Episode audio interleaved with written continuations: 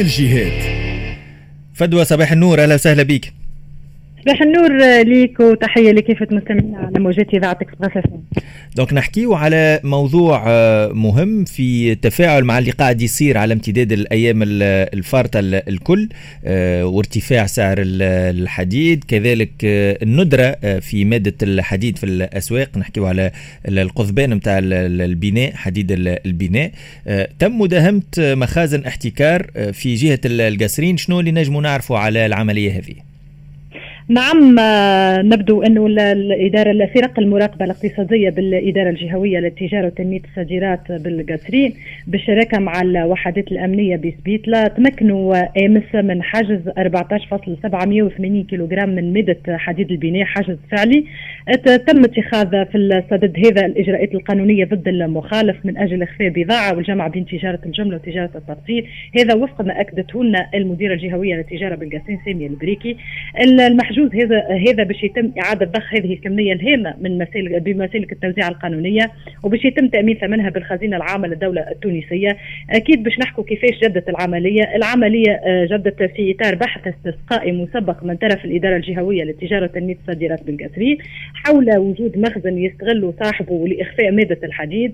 وقت اللي تم التثبت من مكان وجود المخزن هذا تم التنسيق مع عوين الأمن ومداهمة المخزن ضمن فريق مشترك متكون من التجاره واعوان الأمن وتحت إشراف ولي الجهة عادل مبروك تأتي الإجراءات هذه ضمن برنامج وزارة التجارة وتنمية الصادرات لتجديد المراقبة على مسالك توزيع مواد البناء خاصة مادة حديد البناء وذلك للتصدي لكل الممارسات الاحتكارية في هذا القطاع.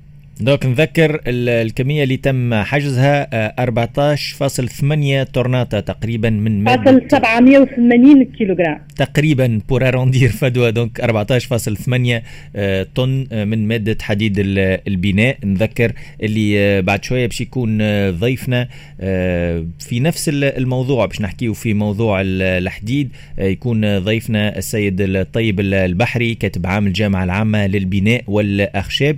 باش نحكيو في انقطاع مادة الحديد البناء وانعكاساته الاقتصادية والاجتماعية donc مع ضيفنا الطيب البحري. فدوى ما نعرفش إذا كان نجموا نزيدوا حاجة فيما يخص العملية هذه. كما كنت ذكرت في إطار بحث استقصائي قامت إدارة جهوية للتجارة وتنمية الصادرات بالقصرين donc بالتفطن لها المخزن هذايا آه، فيه مادة الحديد اللي ما نعرفش هل أنه النشاط متاع صاحب المخزن هذايا فاش يتمثل معناها بالضبط النشاط؟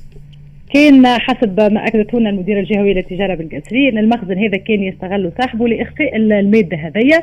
وتم التثبت نعاودوا نذكروا مستمعينا إنه تم التثبت من مكان وجود المخزن هذا وتم التنسيق مع عوين الأمن التابعين لمنطقة الأمن الوطني بسبيتلا وتم تنفيذ عملية مداهمة لهذا المخزن. ضمن فريق مشترك متكون من فرق المراقبة الاقتصادية بالإدارة الجهوية للتجاره بالقصرين بالشراكة مع الوحدات الأمنية وأشرف عليها ولي الجهة. العملية المداهمة هذه اسفرت على حجز 14.780 طن. من مادة حديد البناء حجز فعلي.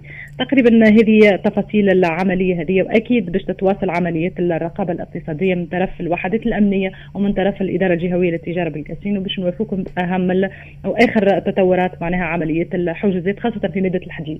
جزيل الشكر ليك مراسلتنا في ولاية القصرين فدوى القرمازي الموضوع باش يكون كذلك في حوارنا بعد شوية مع كاتب عام الجامعة العامة للبناء والأخشاب. سيد السيد الطيب البحري ضيفنا في الاستوديو بعد موجز السبعة ونص. نذكركم كذلك باش نحكيو على وضعية المؤسسات والأملاك المصادرة.